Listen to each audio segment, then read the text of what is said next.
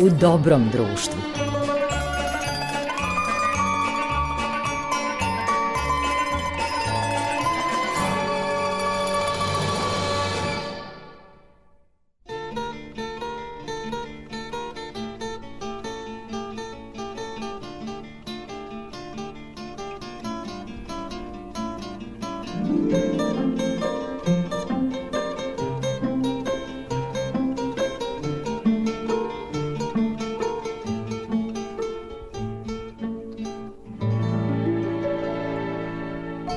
Slušalci, dobrodošli u novo izdanje emisije U dobrom društvu.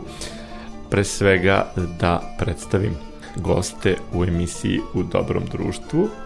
Imam veliku čast da sam u stvari ugošćen kod Olgice Stefanović, umetnice koju poznajem dugo godina i kod Duška Trninića ovako stvarno osjećam toplinu i blagoslov ovog doma Olgica je svima poznata ako pomenem moju ćirilicu, a sigurno ste se sreli sa veličanstvenim slovima koja u sebi sadrže i likove svetitelja.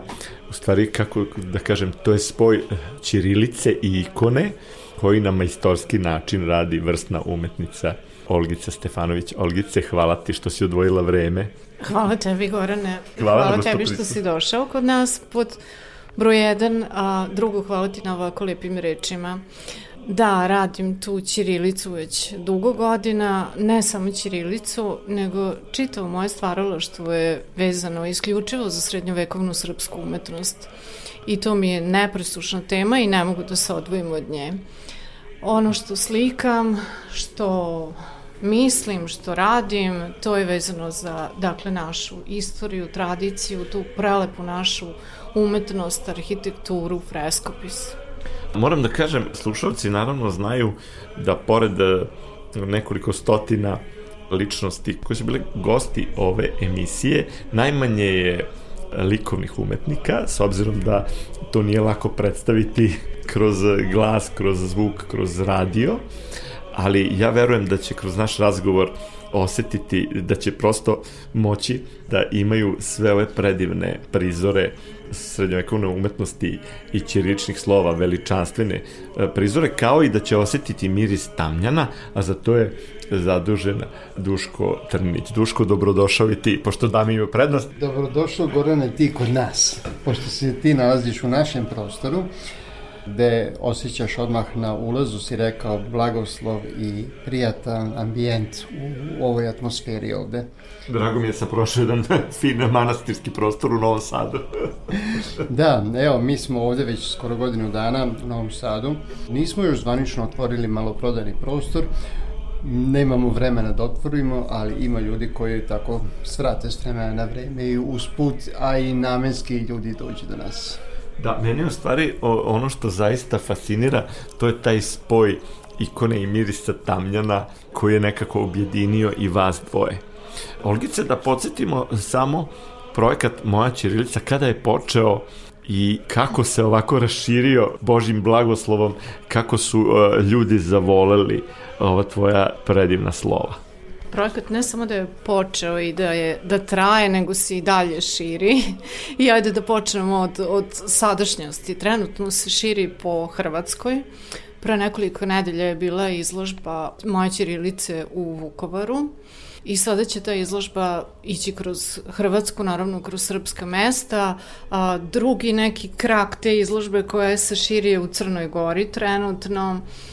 A počelo je tako što valjda sve dođe do nas. Počelo je tako što moj rad, kao što sam ti rekla, je vezan za tu temu od uh, ikonopisanja preko nekih uh, minimalističkih e, slika po, po svom nekom svedenom značaju, ali dakle inspirisanih ipak nekim odeštama arhijereja, nekih velikih ulja na platnu. Sve se to nekako spojilo u tim slovima.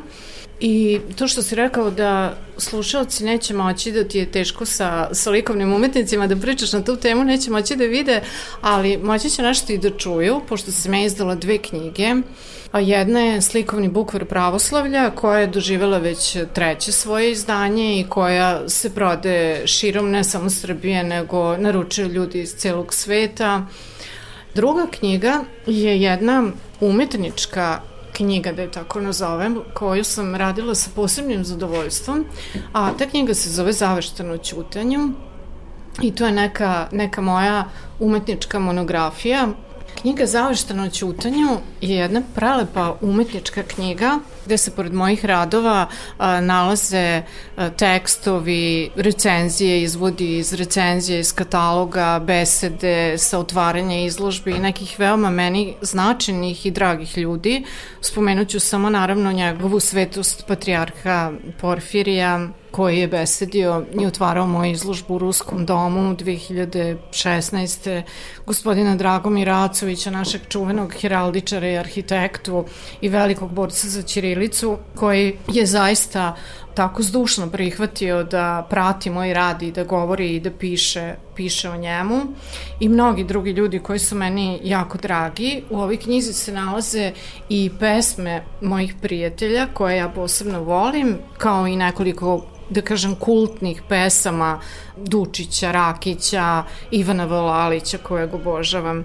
Pored toga, pročitat ću jedan uvod koji može da bude i neka vrsta pesme, a to je moj tekst, gde ja objašnjavam zašto ja slikam i šta, šta se tu desilo i zašto se ova knjiga zove Zaveštano ćutanju.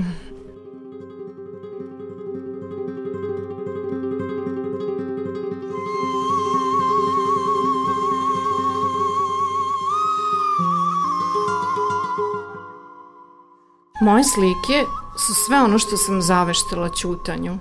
U njih je utkan muk kamenih zidina, kiša na studeničkom mermeru, šuštanje monaških odora, beli oblaci iznad Sopoćanske crkve i klepalo koje preseca mrak. U njima je miris tamjana i žutih voštanica. One su vapaj i molitva, krik i prećutana reč.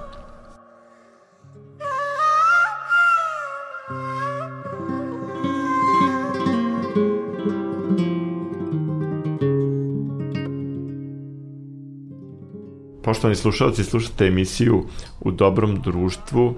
U dobrom smo društvu sa umetnicom Olgicom Stefanović, autorkom čuvene Moje Ćirilice, koja je spoj Ćirilice i predivnih fresaka ikona, a tu je sa nama i Duško Trninić i sad će Duško nešto da nam kaže o svom e, životnom putu okađenom tamjanom i, i uopšte ljudi možda nekad uzimaju tamjan e, zdravo za gotovo, a tamjan je metafizika, filozofija.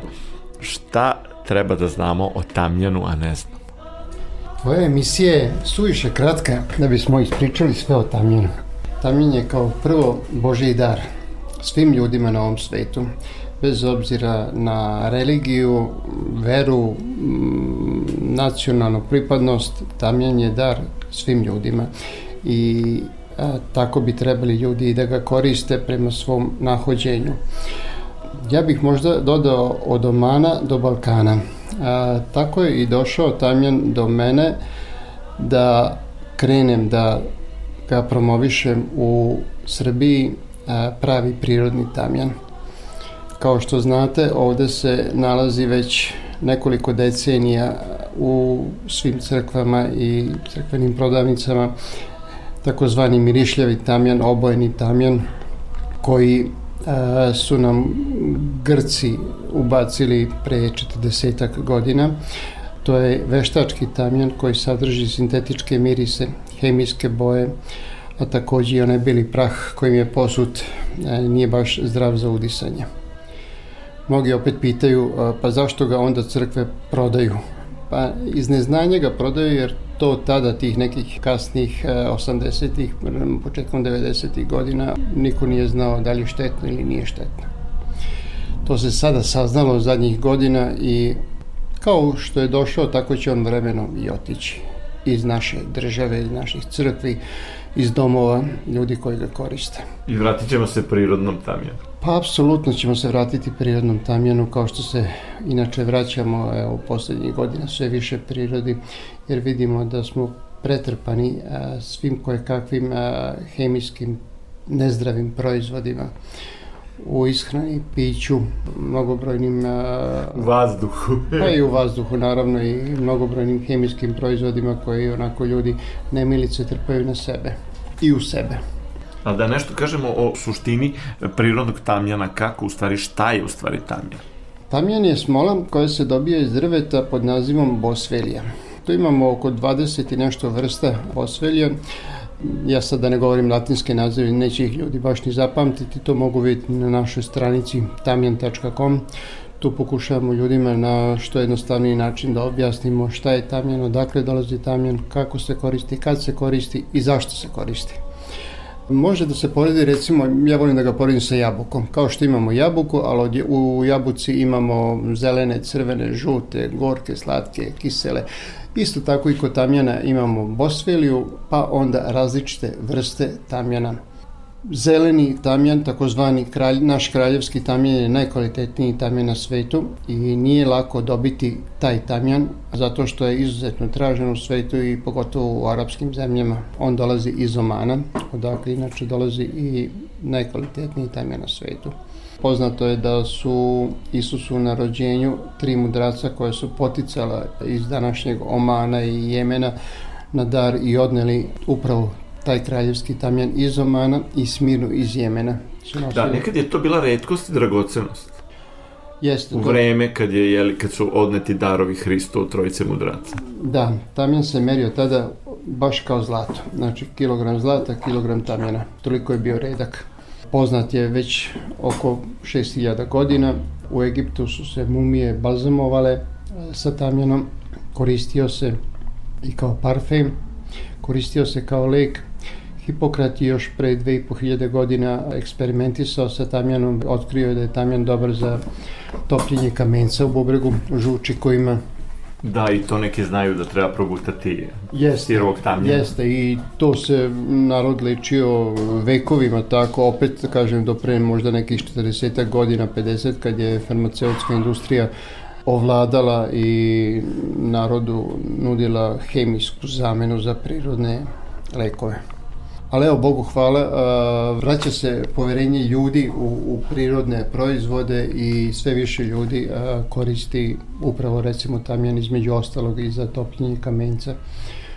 Da, zanimljivo je to, pošto se e, bližimo Božiću, pošto su e, dani najradosnijeg praznika, da podsjetimo eto i na trojicu mudraca doneli su Tamjan Smirnu i delove nakita starozavetnih vladara i deo toga, u stvari sve što je sačuvano, čuva se u riznici manastira Sveti Pavle na Svetoj gori i donela je sultanija Mara Branković u vreme kada su Brankovići kao ktitori ovog manastira, da tako kažem, tamo bili domaći, ona je došla i predala, ne pristupivši manastiru negde na pola puta, vratila se na lađu jer je začula bogorodičin glas da odstupi jer ova zemlja ima svoju caricu, presvetu bogorodicu i e, svi ti časni darovi čuvaju se i dan danas u manastiru, a samo tri predmeta se iznose i oni su svi, to su u stvari predivni komadi nakita koji su dodatno ukrašeni tamjanom i smirnom. Čisto eto da ja kažem nešto iz svog iskustva, pošto sam imao veliki blagoslov da ih celivam mnogo puta. Jeste, ti si veliki poznavaoc uh, svetogorskih manastira. Ti darovi se nalaze i dan danas tamo. Jednom su iznešeni u Moskvu na celivanje, to je bilo pre nekih deseta godina koliko je meni poznato. Jeste i sada se nosi ponešto u Moskvu od, od relikvija i moštiju najčešće ide, ide upravo za Moskvu. I iz Ksenofonta i iz Vatopeda. Znači, Borični pojas iz Vatopeda i Ksenofonta ide ruka Svetog Georgija. Eto, čisto još nešto da saznaju slušalci. Jeste, svakako je korisno slušati tvoju emisiju u dobrom društvu, na dobro mesto. Što bi rekao jedan naš prijatelj, na pravom ste mesto. Tako je, da, da ne, ne marimo Olgicu, ali opet ćemo napraviti malo uživanja u prijatnom poenju, pa ćemo nastaviti. Blagoslove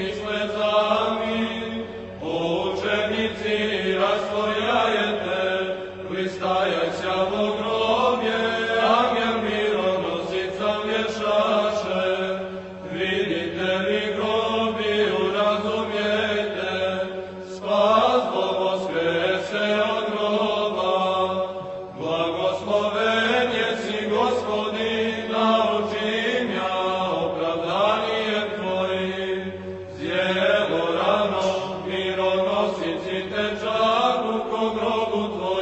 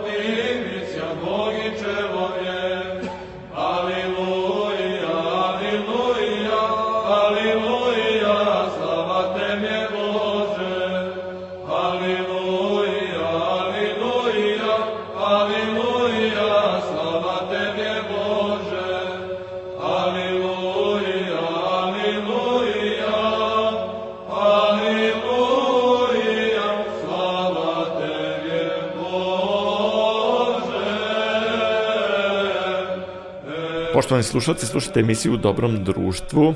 Olgica Stefanović i Duško Trnić su e, naši gosti, u stvari nekako sam ja, ja gost kod njih. Udišem tamjan već neko vreme, izaći ću ne prepun blagodeti odavde, a nadam se da i, i vi kad budete oslušali ovu emisiju, da ćete prosto osetiti i miris tamjana i da ćete imati utisak e, da ste bacili pogled e, na ova predivna ćirilična slova, a možete ih i lako i pogledati ako uzmete i malo uguglate Olgicu Stefanović i moju ćirilicu. Olgica, jer si uopšte prebrala koliko slova si uradila do sada? Pokušala sam zaista na početku to da vodim neku evidenciju, ali sam odustala i javljaju mi se tako ljudi. Evo danas nam je bio gospodin Milan Kićevac, tvoj kolega, koji je rekao da ima kod sebe u Budimpešti dva moja slova. Tako mi se ljudi, evo na sajmu knjiga sam srela neke e, divne žene koje su me zapamtile jer su u Torontu pre 15 godina na mojoj izložbi kupile moje slova. A, jako puno o, nekih značajnih, da tako kažem, e, institucija i ljudi koji su radili u tim institucijama imaju moje slova, svi ambasadori ruski koji su bili u Srbiji, svi direktori Ruskog doma, atašej za kulturu i tako dalje iz Rusije.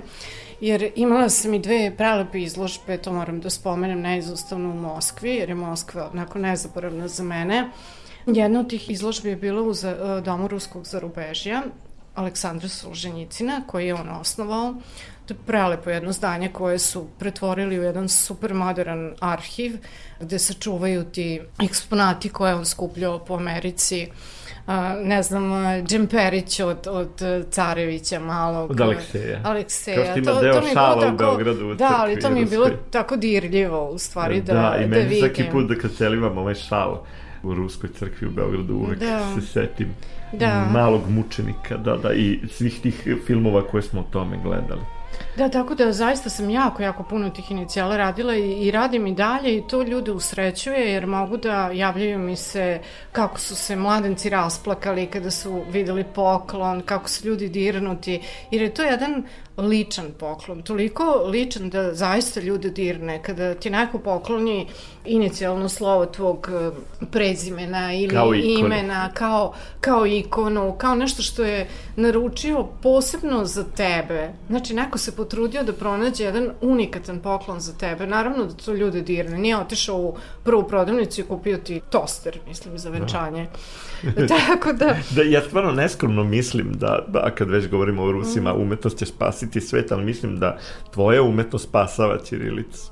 Pomaže nam da se uvek podsjetimo koliko je predivna i prelepa Ja se, ja se zaista trudim i na neki nežan i lep način se trudim, eto, lepotom svog rada likovnog, ali nedavno sam na, na Instagramu stavila jednu objavu posle povratka iz Vukovara, a, koja nije bila baš tako nežna, u stvari sam iskritikovala ljude kod nas koji pišu latinicom, zato što mi je bilo jako strašno da gledam tamo ljude u Vukovaru koji se bore, koji su me zvali tamo i napravili tu izložbu, a znamo svi šta se tamo dešavalo, koliko su im lupali prodavnice, table sa ćirilicom, oni se bukvalno bore tamo za svoje pismo, a mi se ovde dobrovoljno odričemo svog pisma. I to me nekako pogodilo, onda sam napisala da mi je dosta više tog uh, licemerstva, da ljudi kao nemaju na telefonu ćirilicu, ne mogu da instaliraju. U stvari, 90% ljudi piše latinicom u svakoj prilici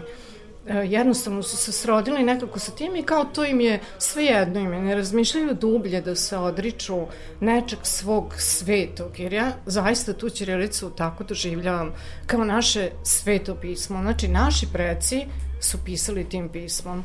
Borili su se za to pismo, borili su se za našu državu, nisu ovi što su išli preko, prelazili bosi i goli preko Albanije, nisu pisali latinicom, je li tako? Tako je, i umirali. Ja sad razmišljam, sličan neki razgovor smo vodili u Vukovaru nedavno kad sam ja bio sa, sa filmom Čujte Srbi, baš smo govorili o tom njihovoj borbi za Ćirilicu i oni su rekli ta borba se gubi najviše u Srbiji. Da, u stvari. što je o- najtužnije, zaista najtužnije. Drugi vid moje borbe za ovu Ćirilicu je rad sa decom. I održavam te likovne radionice sa decom po školama, kulturnim centrima i to je isto jedan jako, jako lepi vid, e, zato što deca kroz te moje radionice mogu da nauče nešto o srpskoj ornamentici, o srpskoj srednjovekovnoj umetnosti, I to je mnogo interesantno zato što na velikim formatima jedna grupa recimo od četvoro, petoro dece radi jedno slovo, izaberemo jednu reč, recimo od pet slova, ne znam, bukvar. Svaka grupica radi jedno slovo, slikava, trudi se oko njega i na kraju sastavimo reč i to bude za njih i interesantno i ostane im kao neka uspomena, ostane toj školi, mogu to da prikažu, da im to, da, da im to bude neki, neki trajni ukras u školi. A mnogo je zanimljivo, recimo, evo sad kao da ispričam jednu anegdotu, koja mi je radionica bila najinteresantnija, a to je u Herceg Novom, kada su bili dani Ćirilice u Herceg Novom, blaženo počevši mitropolitan Filohije je bio na, tom, na toj završnoj večeri. Deca su izabrala reč ljubav. I to smo uradili, znači ljubav, a Da, i je I jedno prelepo da, slovo. je isto jedno prelepo slovo, divno su oni to uradili, izlaze oni na binu, sad ćemo mi da pokažemo, drže ta slova ovako okrenuta prema sebi, te velike kartone i voditelj najavljuje bila je radionica, priča o radionici, priča o tome kako smo izabrali jednu predivnu reč koju želimo sa svima da podelimo, jedna emocija koju svi treba da gajimo u sebi i tako dalje. I sada svi očekuju da vide šta je to, deca se okrenu slova, a oni totalno se izmešali. Znači, uopšte ne piše ljubav, piše nešto izmešano. Ne znam Da, se da, koje... da, da, neću ni da ne znam pomislim šta ni da piše. pomišljam šta piše. ne znam Ali- se koje reči. Pretpostavljam. I svi zabezeknuti, uključujući i Mitropolitan Filohija, gledaju i ja onako brzo ulećem na scenu, raspoređujem decu, ali to je bilo toliko simpatično i slatko, naravno, oni su predivni. Da, pretpostavljam da je pisalo buljav. Ali ovaj... e, Je pisao. Da, da, da, da, simpatično, to je kao u, kao u kvizu kad se čudno nameste slova.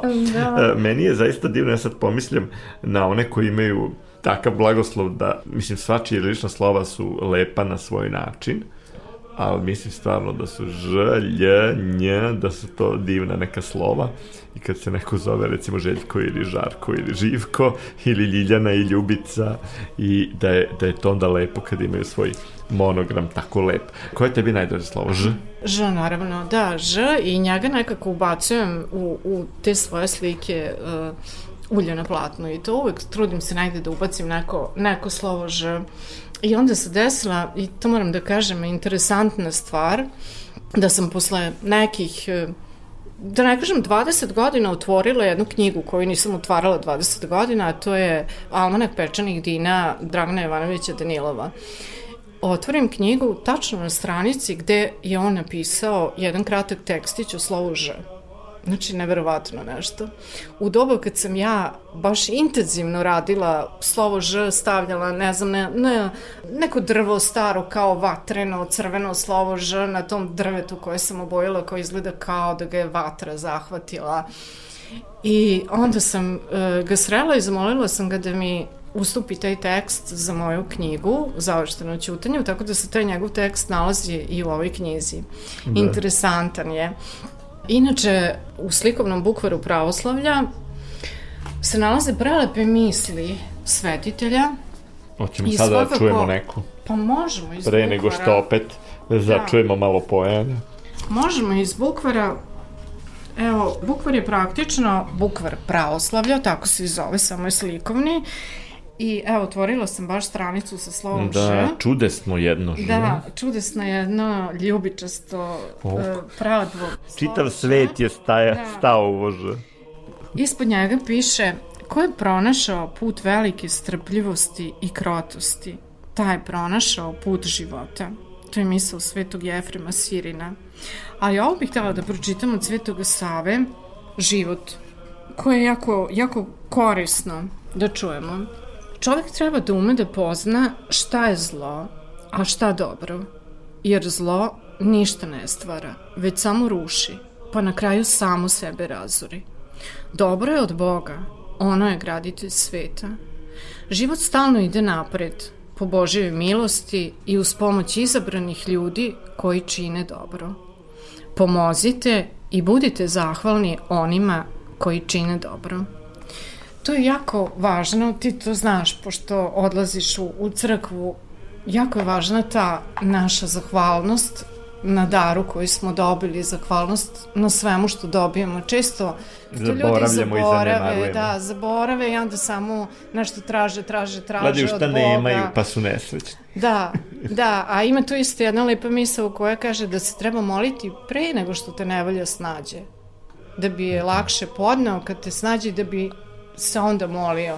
Da bi Jeste, ti bile molitve uslišene. To sam osetio u nekim e, najtežim trenucima, da sam nekom nevidljivom rukom bio sačuvan od beskrene tuge, koju sam nekako kao očekivao umom svojim, a e, dobio sam neku utehu i posle shvatio da je ona mnogo ranije zatražena. Već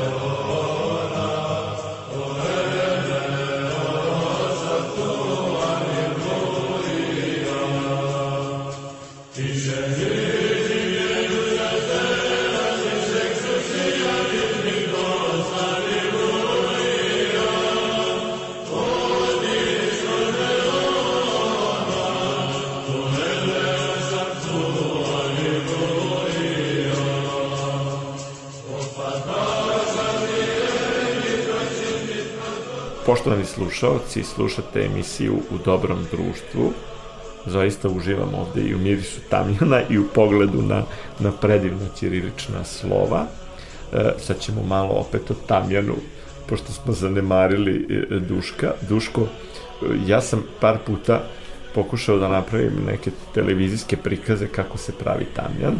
Jednom smo to radili u Novom Hopovu, jednom u jednoj radionici u Katunaki na Svetoj gori, ali u suštini ovaj prirodni tamjan on se za, zaseca se drvo i ono pušta u stvari smolu. Da nešto kažemo samo o samoj proizvodnji tamjana. Može, kazat ću vam to, ali bih prethodno iz bukvara pravoslavlja pročitao još pod slovom to šta piše u bukvaru pravoslavlja. Može. Tamjan je čudo Božje i zla sila beži kada palimo prirodni tamjan. To su poznate reči starca Tadeja Vetovničkog.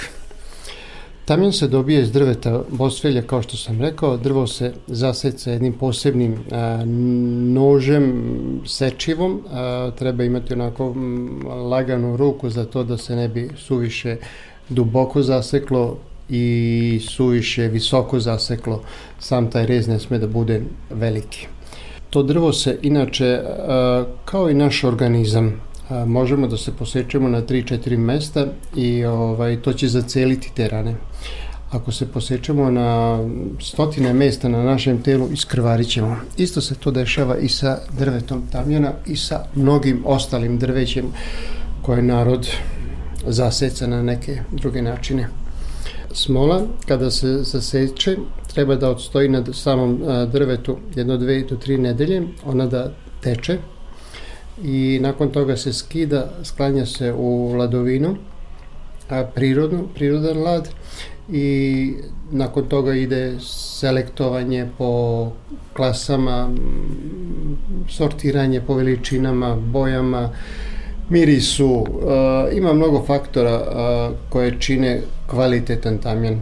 Pre svega to je podneblje na kom raste, onda je to zemlja iz koje to drvo raste, da li je te godine bilo dosta kiše ili ne u tim ne, delovima.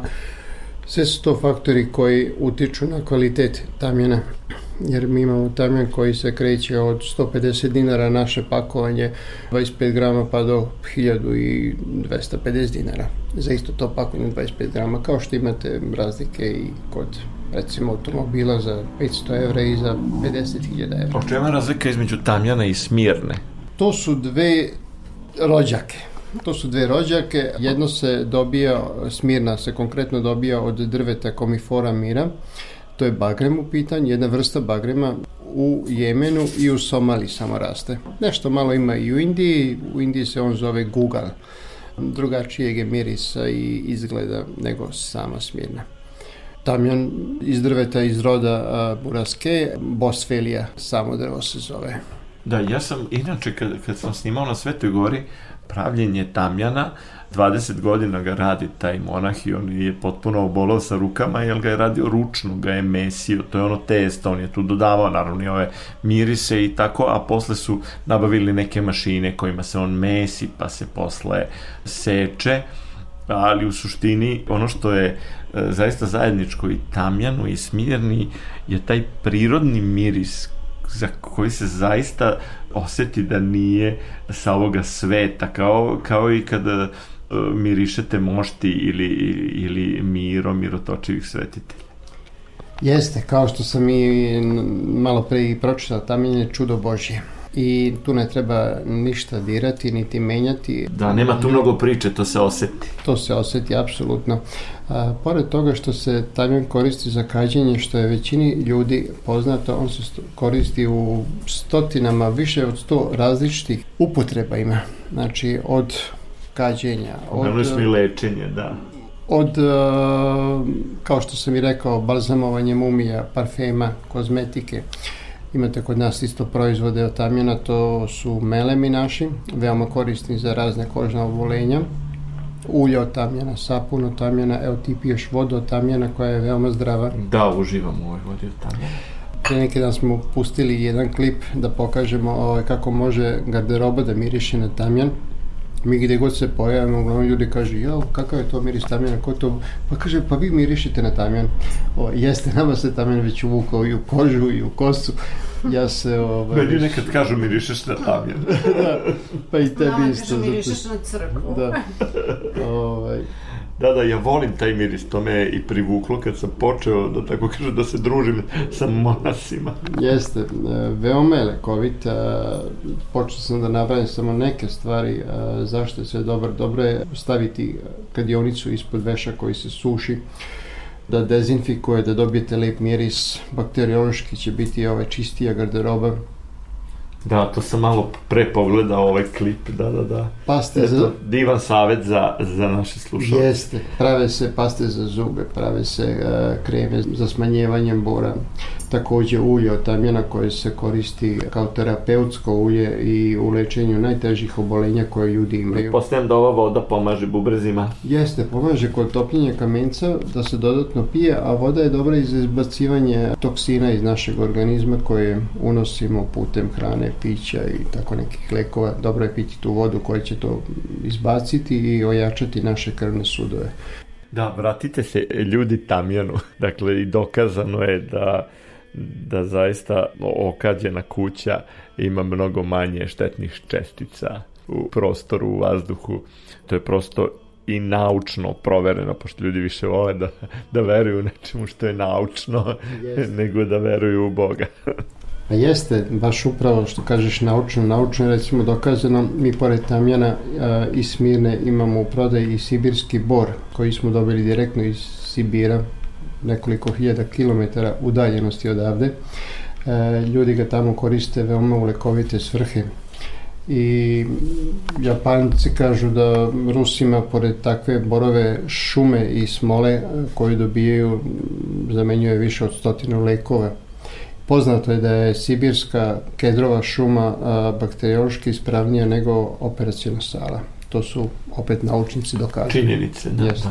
da. Jeste. Tamjan je prirodan proizvod, e, nijedno zrno ne liči drugom, e, nema one oblike kockaste posute belim prahom i po tome se već može prepoznati šta je veštački, a šta je prirodni. A pitajte najbolje prodavca ovaj, o kom tamjanu se radi, da li može da kaže nešto pobliže o tome, da li je to prirodni ili veštački, taj ko vam prodaje, on bi trebao da zna. Da, ovde u, sam čuo da u narodu se za onaj osnovni tamjan ljudi prosto nekad vole više da to nešto lepo miriše, ali onaj osnovni izvori tamjan, e, njegova se sila nekako najbolje oseti, a to, to kod nas zovu grobljanski tamjan. Jeste, grobljanski, crkveni, Uh, pravi tamjan Da, piše pravi, da, često. da, često nas pitaju kao da li imate pravi tamjan ja kažem mi imamo samo pravi tamjan Svi su pravi. pa, da tako da ovaj, onaj ko želi eh, taj i nađe put i dođe do pravog tamjana Lepo je da, da ljudima postane navika da koriste tamjan, jer je to stvarno boži dar. Slušajte emisiju u Dobrom društvu, nastavit ćemo razgovor sa Olgicom i sa Duškom. Yeah.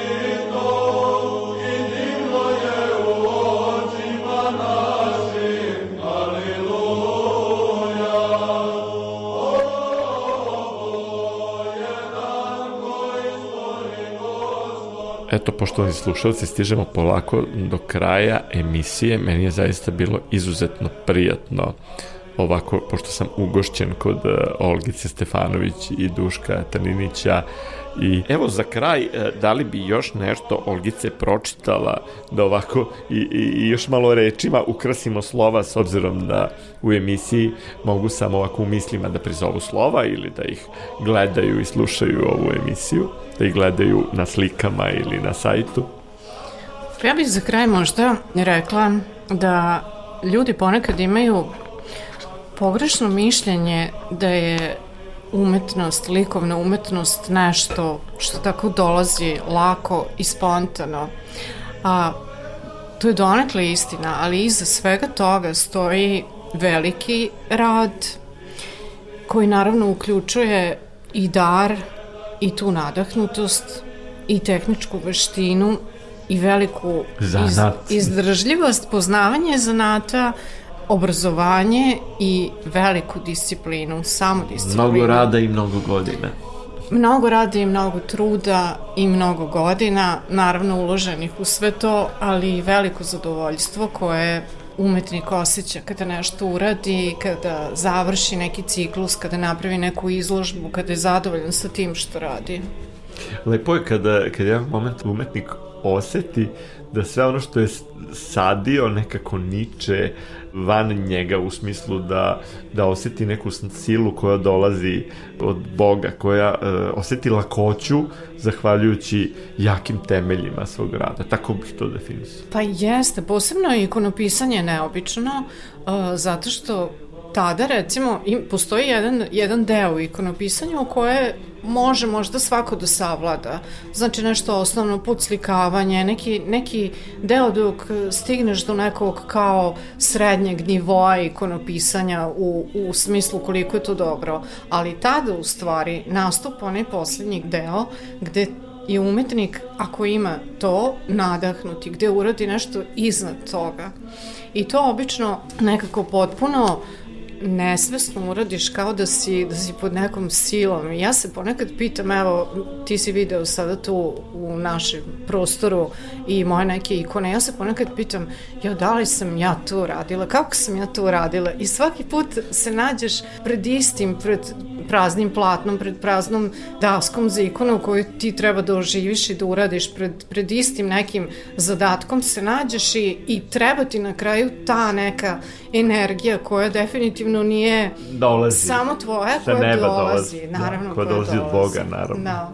Bez toga nema tog, tog divnog eh, završetka. Kako je ono rekao, da li je to rekao vladika Nikolaj, šta god činiš oslušni savet neba, šta god kaš vezuj konce za nebo.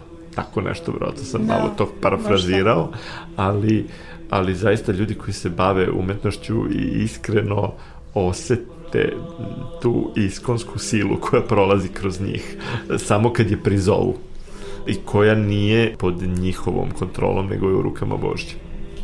Da, pa kao i sve, kao i to potpuno nas razumeju i pisci i pesnici I kompozitori. i kompozitori da, da jednostavno nešto završno mora da postoji što ćete izvući nekako uzdići iznad onog srednjeg nivoa. Propustio sam da te pitam, recimo ja volim da odem u crkvu Svetog Nikolaja Orfanosa, e, čiji ktitor kralj Milutin Nemanjić u Solunu, u Gornjem gradu, zato što ono što je ostalo od živopisa, toga nema mnogo, to je možda nekih 40% kompletnog živopisa, ljudi koji zaista imaju čest susret sa srednjovekovnim e, freskoslikarstvom, verovatno znaju svoje omiljene kompozicije iz, iz naše srednjovekovne istorije, od naših e, ktitora, od naših zografa, kakav je recimo bio Georgije, zograf Milutinov i opšte zna se da su freske ikone Milutinovog doba nešto najlepše što je stvorilo srednjovekovno slikarstvo. Da li imaš ti svoje omiljene freske? Meni recimo sopoćansko fresko slikarstvo Koje je posebno? posebno, zaista posebno te izdužene figure i, I i ta, ta kolorit. elegancija i prefinjen kolorit i te tkanine, ti nabori, to mi je recimo sopoćansko. Ali prvi neki moj susret sa freskopisom je bio u Studenici i to je naravno čuveno raspeće. I uvek kad odem u Studenicu ili, ili bilo koji tako manastir pomislim na to kako je tu da prolazio recimo u Studenici Sveti Sava, kako je on birao Kako gde će biti braću, te... da. da, mirio braću, birao gde će biti te freske urađene, on određivao, ne znam, živeo tu i to me uvek fascinira. Uvek mene fascinira isto ko je sve gleda u te freske. Da, da, i oseti se ta, ta atmosfera, oseti, Oseti se sila. molitve, sila te, te vekovne, dugovekovne, kako da kažem, molitve. Što više odlazim u manastire, to osetim na nekim mestima neverovatnu silu. Tačno se pomeriš kao da uđeš u neki snop Da, neverovatne isto, sile. Isto se meni Recimo, to sam poslednji put osetio vrlo jako, vrlo snažno u Gračanici. Na levoj strani, kod leve celivajuće ikone blizu oltara, Znači, neverovatna sila i samo sam pomislio da li ovo i svi ostali osete kad priđu ovde a, levo do celivajuće ikone i na mnogim drugim mestima prosto neki put mislim jer sam se pretvorio u rašljice ali to je zaista pretpostavljam da si osetila to kako se kako sam čovjeka lepi blagodet kad ide u Izliva. velike sveće Da. kako se izliva i Izliva. kako ako se čovjek prepusti može da oseti tu silu Da, ali to sam nedavno osetila i baš sam i, i Dušana rekla, ne znam gde smo bili, e, uopšte nije bio u pitanju neki stari manastir, nego smo stali e, ispred e, gde se pale sveće za molitvu. Da, da, da. I tu sam osetila to kako mi se izgledalo, meni je bukvalno gorelo lice i, i sve oko mene od sigurno tih molitvi koje ljudi upućuju Tu gospodu kad Da. ostavljaju sveće. To je energija jedna bila neverovatna.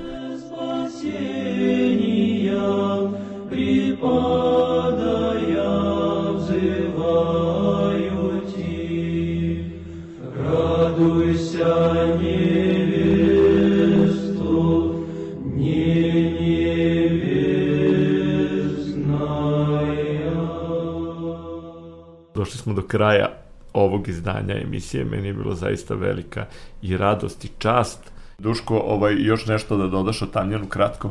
Pa ne bih o Tamjanu, zahvalio bih se e, tebi na ovoj dušekorisnoj emisiji e, i što si došao kod nas da ovo snimiš. Mnogo toga sam i ja saznao novoga o Tamjanu, mada sam znao ponešto, a verujem i slušaoci da su izašli bogatiji za nova saznanja. I za kraj neka Olgica još nešto samo pročita iz eh, slikovnog bukvara pravoslavlja. Ja bih pročitala iz knjige e, Zaveštano ćutanju samo kraj jedne divne pesme koju je napisao naš sugrađanin i pesnik Saša Nišavić, naš prijatelj, koja, evo neka bude za kraj nešto onako pesnički lepo rečeno.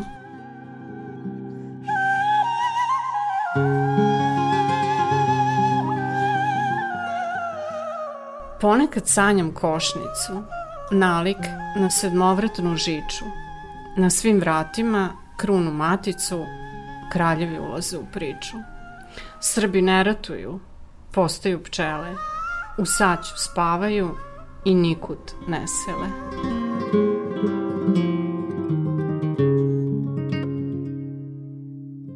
Tačno, na pravi način završavamo ovo divno druženje. Hvala lepo Olgice, hvala Duško. Hvala tebi Hvala tebi. i uvek si dobrodošao kod nas.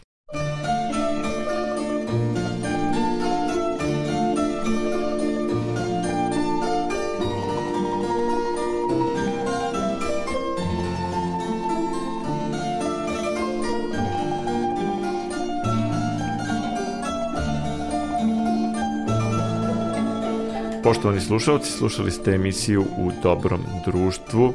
Vaši i e, naši gosti bili su Olgica Stefanović, umetnica prepoznatljiva po mojoj ćirilici, e, slikama koje objedinjavaju lepotu ćiriličnog pisma i srpskog srednjevekovnog fresko slikarstva i takođe Duško Trninić je bio sa nama i saznali smo mnogo više o Tamjanu.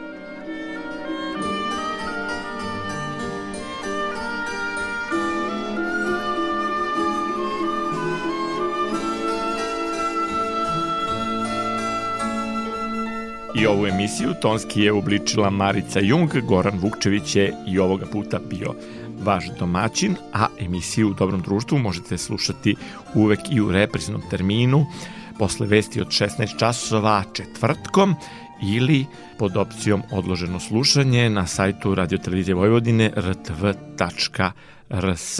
Ostanite u dobrom društvu.